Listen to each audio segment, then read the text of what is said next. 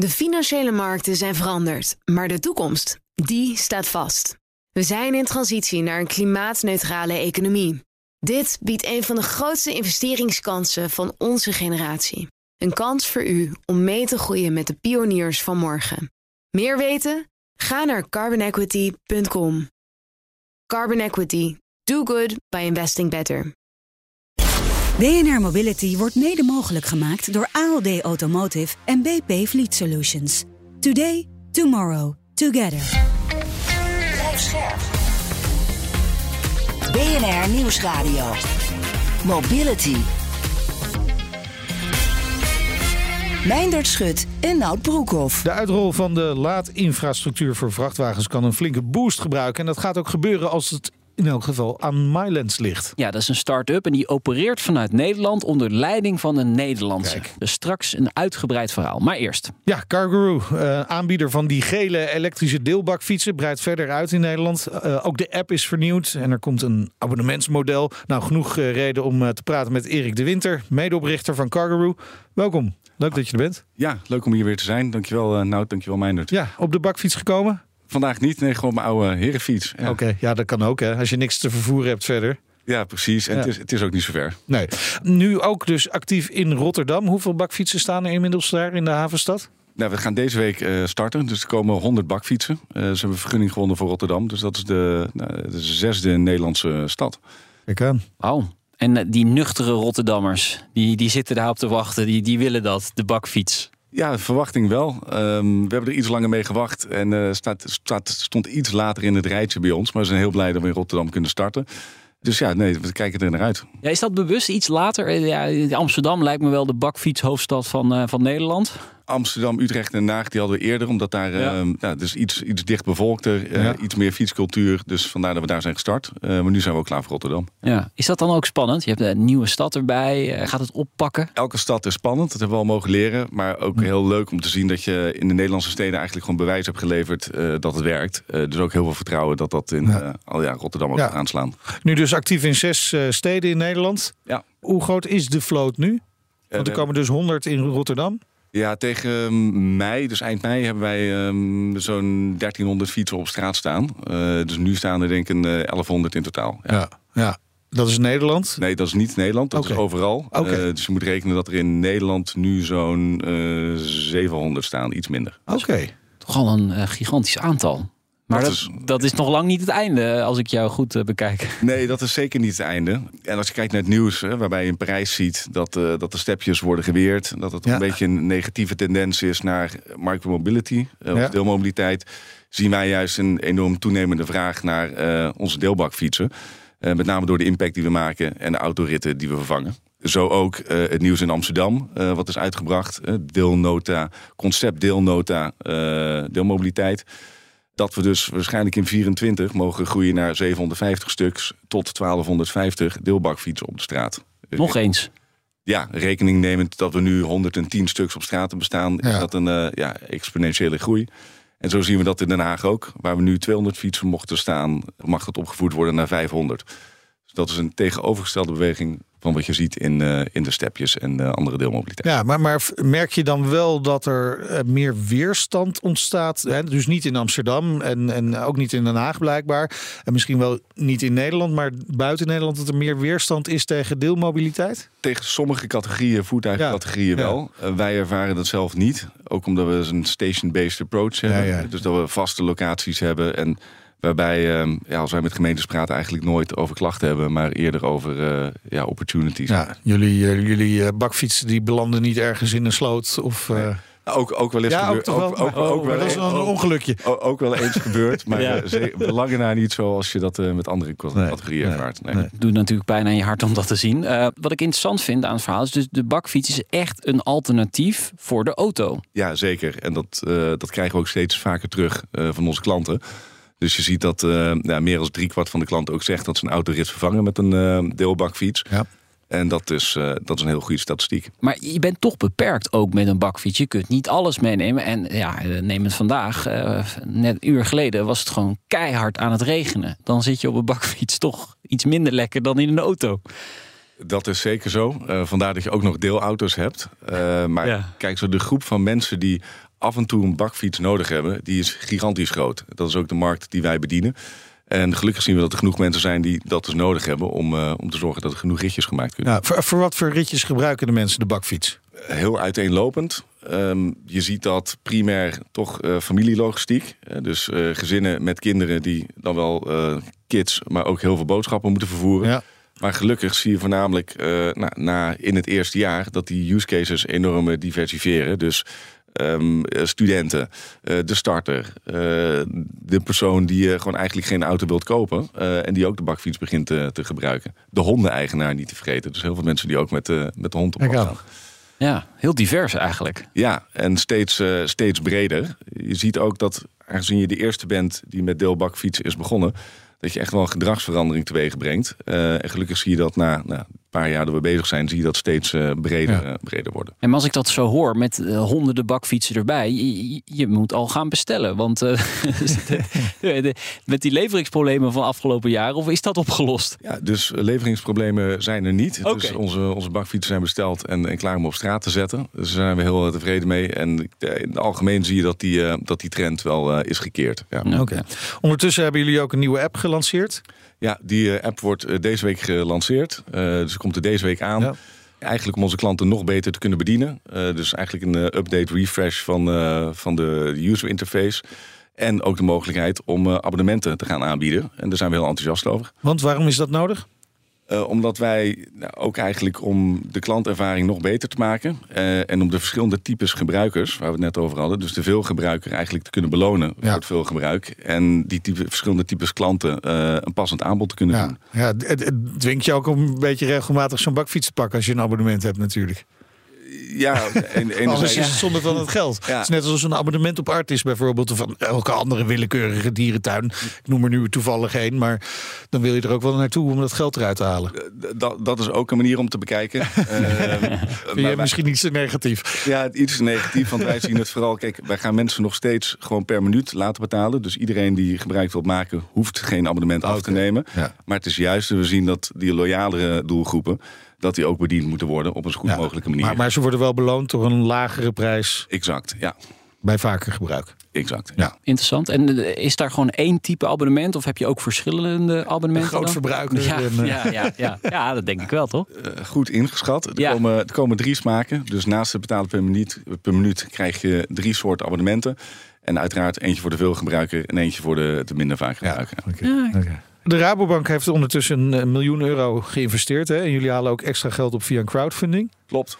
Uh, waar is dat allemaal voor nodig? Is dat allemaal voor die groei nodig? Ja, voor die bakfietsen, die moeten ze allemaal bestellen. Ja. Die zijn allemaal een bestelling ja. nu. Ja. nou, dus niet. Oh. Nee, dus uh, de bakfietsen hebben wij um, gefinancierd via Hilteman Lease. Dus dat gaat via een uh, financial lease constructie. Dus daar gaan we het geld niet aan uitgeven. Maar het is inderdaad nodig om de, de groei te financieren. Dus we zijn heel blij dat de Rabobank 1 miljoen lening heeft verstrekt. bovenop de ronde die wij vorig jaar hadden gehouden. En we hebben besloten om de ronde van vorig jaar te, ehm, te verlengen. Uh, en om juist ook de community, onze klanten en bredere, ja, uh, breder collectief te uh, kunnen laten investeren aan dezelfde voorwaarden. Dus de crowdfund-campagne staat live op ja. One Planet Crowd. we zitten al aan 40 procent. Uh, 400.000 euro, een miljoen doelbedrag. Dus nog een uh, weg te gaan. En uh, het is een heel mooi aanbod. Want we willen zoals we onze bakfietsen delen... nu ook ons bedrijf met iedereen delen. En dat kan ja. aan dezelfde voorwaarden als onze professionele investeerders. Ja, okay. Hoe werkt dat? Heb je een soort aandeel dan in, in Cargo Klopt, aandelencertificaten. Dus je kunt al investeren van 238 euro. En dan krijg je vijf certificaten voor... Uh, dus een heel interessante propositie. Ja. ja. Een paar jaar geleden was uh, geld lenen of geld uh, gefinancierd geld was krijgen, gratis. was geen probleem. Merk je dat dat wel een probleem nu aan het worden is? Ja, je ziet in de markt wel veranderingen. Dat, het, dat je er meer moeite voor moet doen. Maar in principe hebben wij gelukkig goede investeerders achter ons. zodat we ook vertrouwen hebben dat we dit tot een goed einde gaan brengen. En wat vertel jij die financiers dan? zeg je binnen een paar jaar schrijven wij zwarte cijfers en dan gaan we winst maken en dan gaan we het allemaal allemaal terugbetalen. Nou, je, je, hebt het goed ingevuld. ja. Dus wij hebben, we hebben nu een plan gemaakt waarbij wij in 2024 eigenlijk cashflow positief kunnen zijn. Met de fietsen die wij nu op straat zetten, die besteld zijn, die er aankomen. Um, en daarmee heb je eigenlijk een redelijk um, beheerst groeipad. Om te laten zien dat je rendement kunt tonen. En op basis van die resultaten eh, een volgende groeisprong te maken. Loop je daar eigenlijk mee voor op je eigen planning? Of, of is dat zoals gepland? Uh, nee, lopen zoals gepland. Um, en nu een spannend moment, want uh, de zon schijnt. Dus in de zomer is uh, uiteraard ons, ons moment. En ja, we kijken eruit om nog meer mensen op de, de fiets te krijgen in deze ja. maanden. Ja. Maar zijn jullie ook met dat soort ontwikkelingen bezig? Als het regent, dat je dan toch wat vaker de bakfiets kunt gebruiken? Er zijn natuurlijk wel met een bakfiets bij uitstek mogelijkheden bedankbaar... dat je toch een beetje droog kunt zitten. Ja, ja. goed regenpak. Ja, dat, maar... Ja, Ja. die kun je misschien in de, in de bakfiets eh, als eh, extraatje duwen. Ja, zeker. Nee, re- re- regendekje. Uh, Ja. We hebben vorige, vorige herfst met een regendekje uh, pilot gedraaid. Dat werd goed ontvangen. Dus dat Dus- je de IKEA eh, boekenkast gewoon droog blijft als je die daarmee eh, vervoert. Dat je spullen droog zijn, Ja. eh, maar dat ook de kindjes droog zijn als je Ja. ze voorin zet. Dat ze netjes tot hun, eh, tot hun nek droog zitten. Eh, dus dat, eh, dat komt er ook aan. Ja, Ja, dus bij weer en wind. de Cargaroo, yes. Mooi, dankjewel. Erik de Winter, medeoprichter van Cargaroo. BNR Mobility.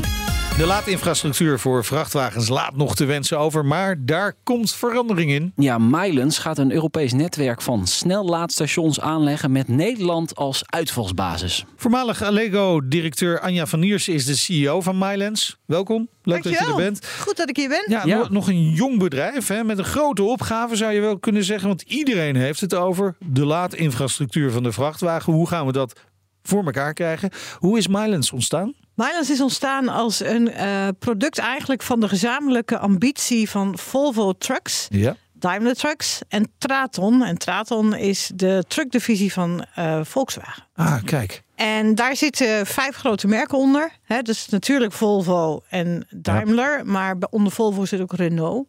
Leuk hè? Met de, Ja, dit ja. gebouw, gebouw, oud hè? Renault Renault. gebouw. Ja, Ehm, maar er zit ook onder eh, Scania en MAN. Ja. En zij hebben eh, alweer ruim twee jaar geleden de koppen bij elkaar gestoken en gezegd: willen wij een toekomst voor onszelf bouwen als truckbouwers, dan zullen we moeten erkennen dat de toekomst elektrisch wordt. En dan hebben we het kip en ei. Hè? Het zou een beetje onzinnig zijn om voor ieder merk een apart netwerk aan laders te gaan bouwen. Dus laten we in godsnaam de handen in elkaar slaan. En laten we een gezamenlijke ambitie neerleggen. En dat in gezamenlijkheid doen, gezamenlijk geld fourneren. En dat dan in een heel nieuw hè, op te zetten bedrijf stoppen. Wat ook op zichzelf staand eh, deze klus aan kan. ja. En zo Hoe, is Mylands begonnen. hoe bijzonder is dat? Dat dat die partijen. Bizar. Ja, dat, dat gebeurt nooit eigenlijk. Nee.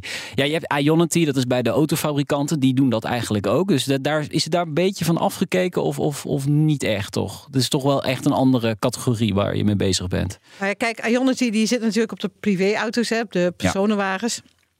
Eh, ze hebben denk ik wel goed naar Ionity gekeken, daar wat lessen uitgetrokken. En kijk, de, de truckbouwers die staan natuurlijk best wel onder toezicht van de EU. Hè? Als het gaat over eh, zich aan de regels houden, eh, antitrust hè? Mhm. werking. En zij hebben gemeend om dit toch op een wat andere manier vorm te moeten geven dan wat ooit bij Ionity het geval was. En om dit echt op afstand te zetten van de aandeelhoudersmerken. Oké. Natuurlijk spreek ik ze en eh, ze zijn altijd heel benieuwd in, in wat we allemaal aan het uitstukken zijn. Ja. Maar wij staan behoorlijk eh, op eigen benen en worden dus ook niet door hen aangestuurd. En er zit ook niemand van hen bij mij in het bedrijf. Oké, ze hebben niet een hele dikke vinger in de pap, eh, begrijp ik. Oké, ik hoor hele mooie namen. Ik hoor eh, Volvo, Daimler, et cetera, Scania.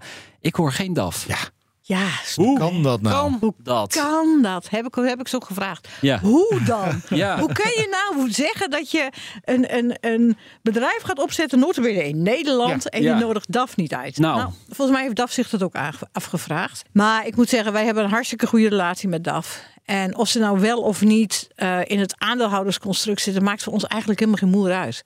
Dus wij werken net zo goed samen met DAF als met al die andere merken. En DAF gaat gewoon gezellig meedoen. En al die DAF's die kunnen ook gewoon op onze infrastructuur Ja. laden. Weet je, dus voor ons maakt het eigenlijk helemaal niet uit of ze nou wel of niet aandeelhouder zijn. Het zal. Nee, maar voor de buitenstaander lijkt dan een beetje... Ja, oh, die, die profiteren wel lekker mee van het Mylands. Hè, dadelijk. Ja, nou, ja. of ze daar nou van. Kijk, Nou ja, als het heel succesvol is, profiteren ze ook weer niet mee natuurlijk. Ja, ja dat Maar ook goed. weer. Ja, ja. Kijk, ze mogen gewoon meedoen. Ze, we Ja. praten Ja. net zo goed met hen als met de anderen. En ze hebben net zoveel invloed ook eh, hè, op onze vorm van dienstverlening. Of op waar de, de laadlocaties zouden moeten plaatsvinden. Ja. Net zo goed. Ja, we, we- zeiden het al, hè, Nederland is de, de, de uitvalbasis van Mylands. Waar, waarom is hij eigenlijk voor Nederland gekozen? Ja, weet je, ja, we hebben net de aandeelhouders genoemd. Hè? Dan ligt Nederland wel heel lekker in het midden. Ja, ja. Hè, dat, is, dat, is- dat, zal zeker meegespeeld hebben. Eh, maar laten we niet vergeten dat het vestigingsklimaat in Nederland goed is. En dat Nederland wel. we horen de laatste tijd toch wel andere verhalen over het vestigingsklimaat in Nederland van verschillende kanten. Ja, dat klopt. Maar kijk eens naar het buitenland, zou ik zeggen. Weet je, dus als je echt nieuw wil beginnen, eh, dan ga je daar zitten waar een goede infrastructuur is. Waar voldoende eh, talent beschikbaar is. Maar ook waar, als als, als je het hebt over elektromobiliteit en laadinfrastructuur, eh, je wel een, een, een basis hebt. En dat heb je natuurlijk in Nederland. Wij vergeten vaak dat wij in Nederland al tien jaar lang ongelooflijk hard gewerkt hebben aan een basis in laadinfrastructuur. Er is veel kennis over beschikbaar, er is veel ervaring beschikbaar. En dat heeft zeker meegespeeld in de keuze eh, voor Nederland. Ja, die steen heb jij mede gelegd natuurlijk eh, in je vorige banen. Ja, dat klopt wel. Ja, ja. Dat was daar wel bij. Ja. Ja, ik zeg het maar even. Ja, je hoeft het zelf niet te zeggen. Maar steeds meer van die fabrikanten gaan ook elektrificeren. Ehm, Maar er zijn dus nog maar weinig geschikte eh, laadpunten. Is dat nou een probleem? Want ja, er zijn ook nog niet heel erg veel vrachtwagens die elektrisch rijden. Ja, dat vind ik wel een hele goede vraag. Weet je, Eh, soms lijkt dat probleem wat groter gemaakt te worden dan het is. Want als je kijkt nu naar de trucks die er zijn, die kunnen zo'n 2, 250, 300 kilometer rijden op een dag. Ja. Eh, die kunnen in principe bij een depot, bij een, een bedrijf worden opgeladen.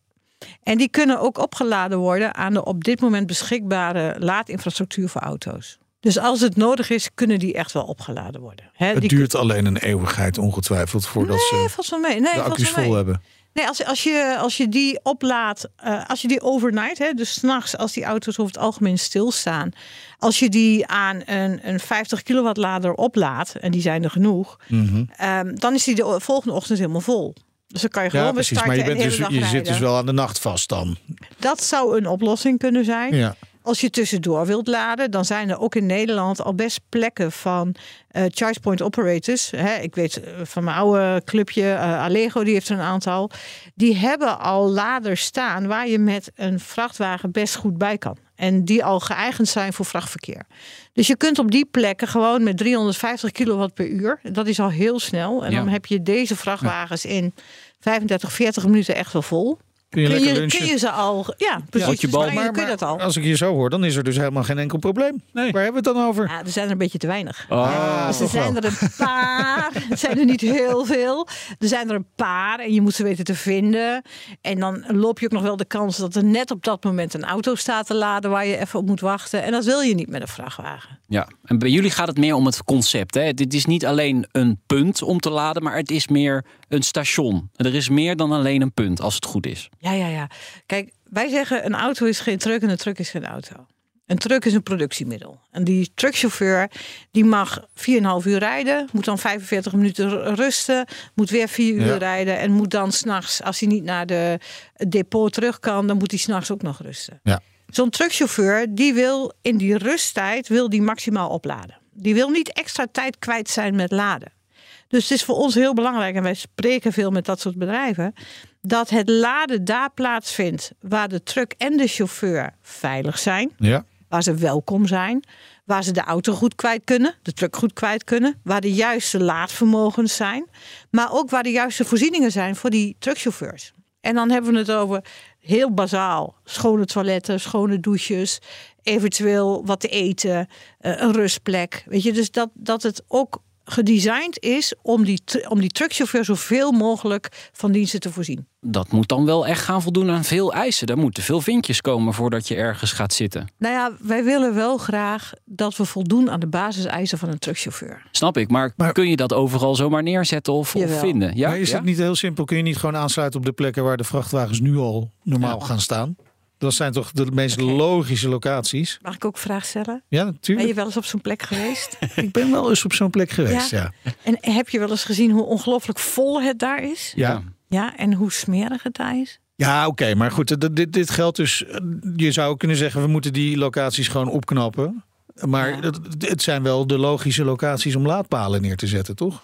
Nou, weet je, wij kijken naar een aantal dingen. Wij kijken naar waar stoppen die trucks. Ja. Dat is heel belangrijk. Want we willen niet het ritme van die truckchauffeur gaan verstoren.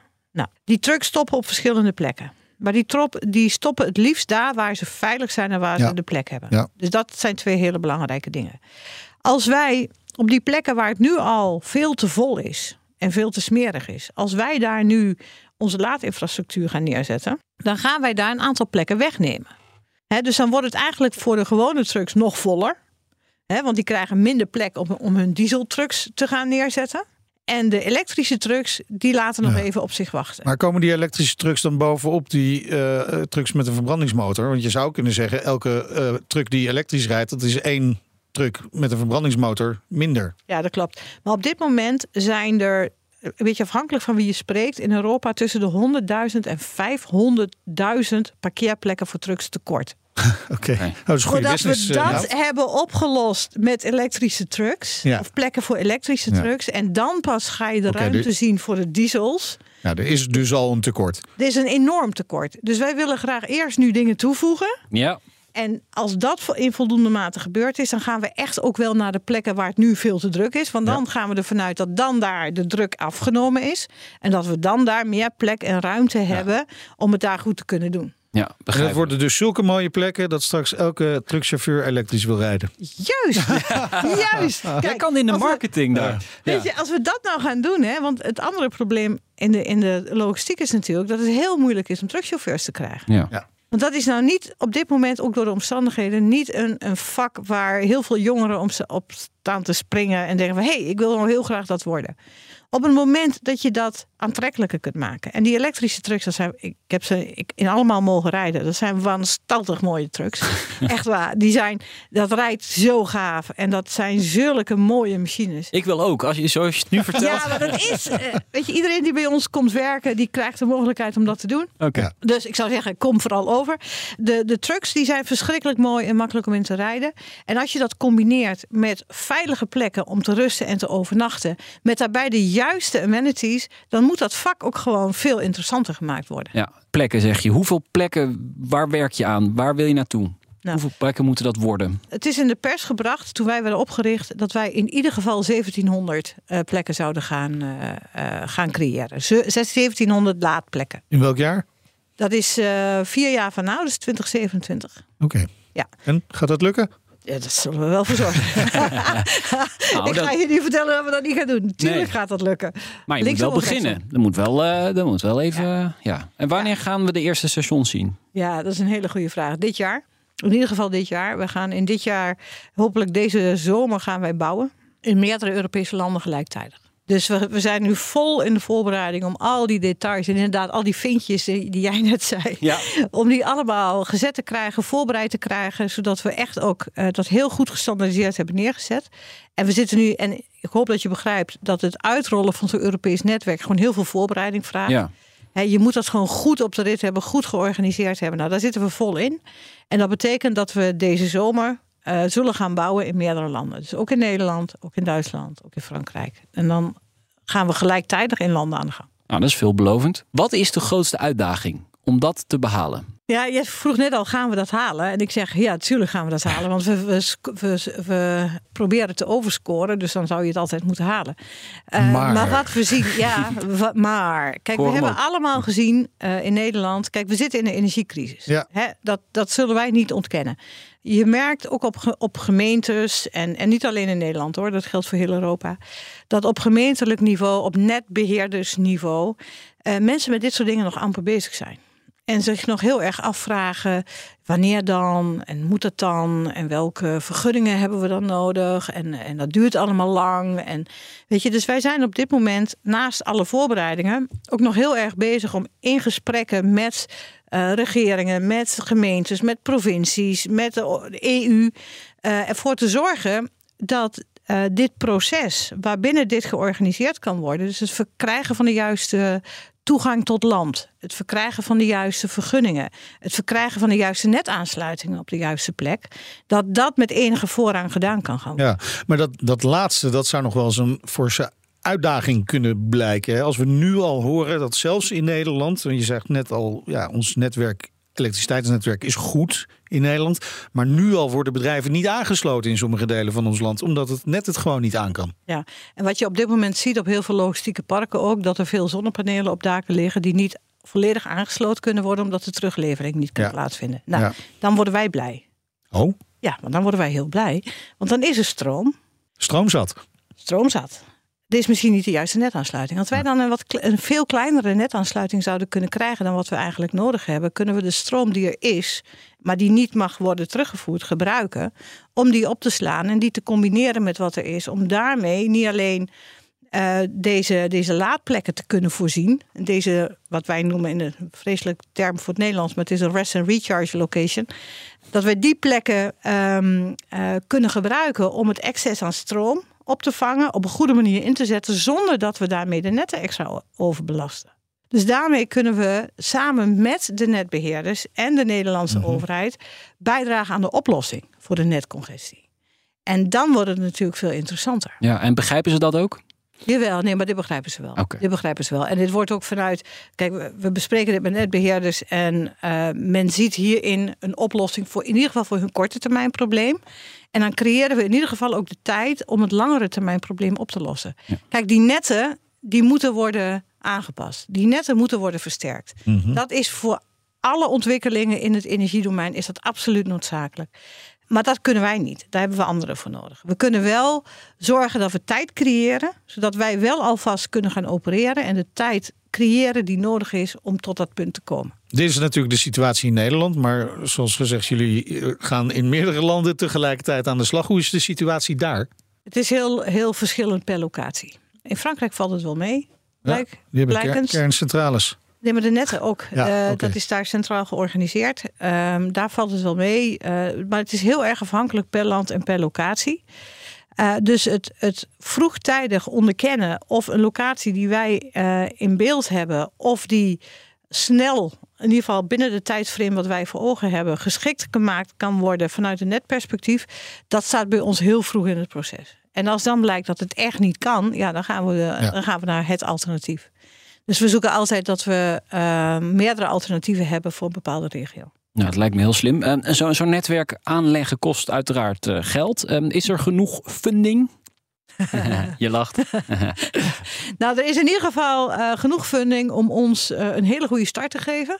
Maar daarna is het geld op. Maar dan is het geld op. Nee. Eh, Maar dus die dit- dit is geld dat die fabrikanten hebben ingelegd. En hoeveel is dat? 500 miljoen. 500 miljoen euro. Ja, 500 miljoen euro is natuurlijk een bak met geld. Ja, zeker. Eh, maar, maar ik kan me is voorstellen dat die locaties ook een bak met geld Ja, Dus kosten. dit is ja. ook hele dure infrastructuur, dat zal iedereen begrijpen. Aan de andere kant is er voor eh, duurzame infrastructuur is er in de markt nog best genoeg geld te verkrijgen. Dus wij zullen eh, niet alleen afhankelijk zijn van het geld wat de aandeelhouders eh, bij elkaar hebben gebracht. Maar we zullen ook kijken naar eh, subsidieschema's. We zullen kijken naar bankfinanciering. We zullen kijken naar andere vormen van cofinanciering.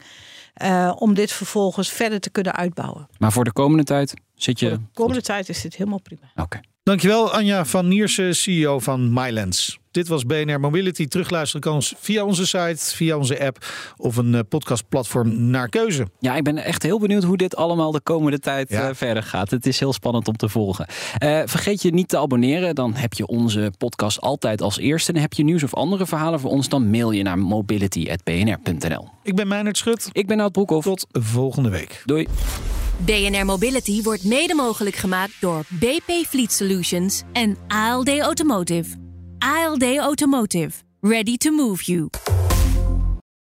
De financiële markten zijn veranderd, maar de toekomst, die staat vast. We zijn in transitie naar een klimaatneutrale economie. Dit biedt een van de grootste investeringskansen van onze generatie. Een kans voor u om mee te groeien met de klimaatoplossingen van morgen. Meer weten? Ga naar carbonequity.com. Carbon Equity. Do good by investing better.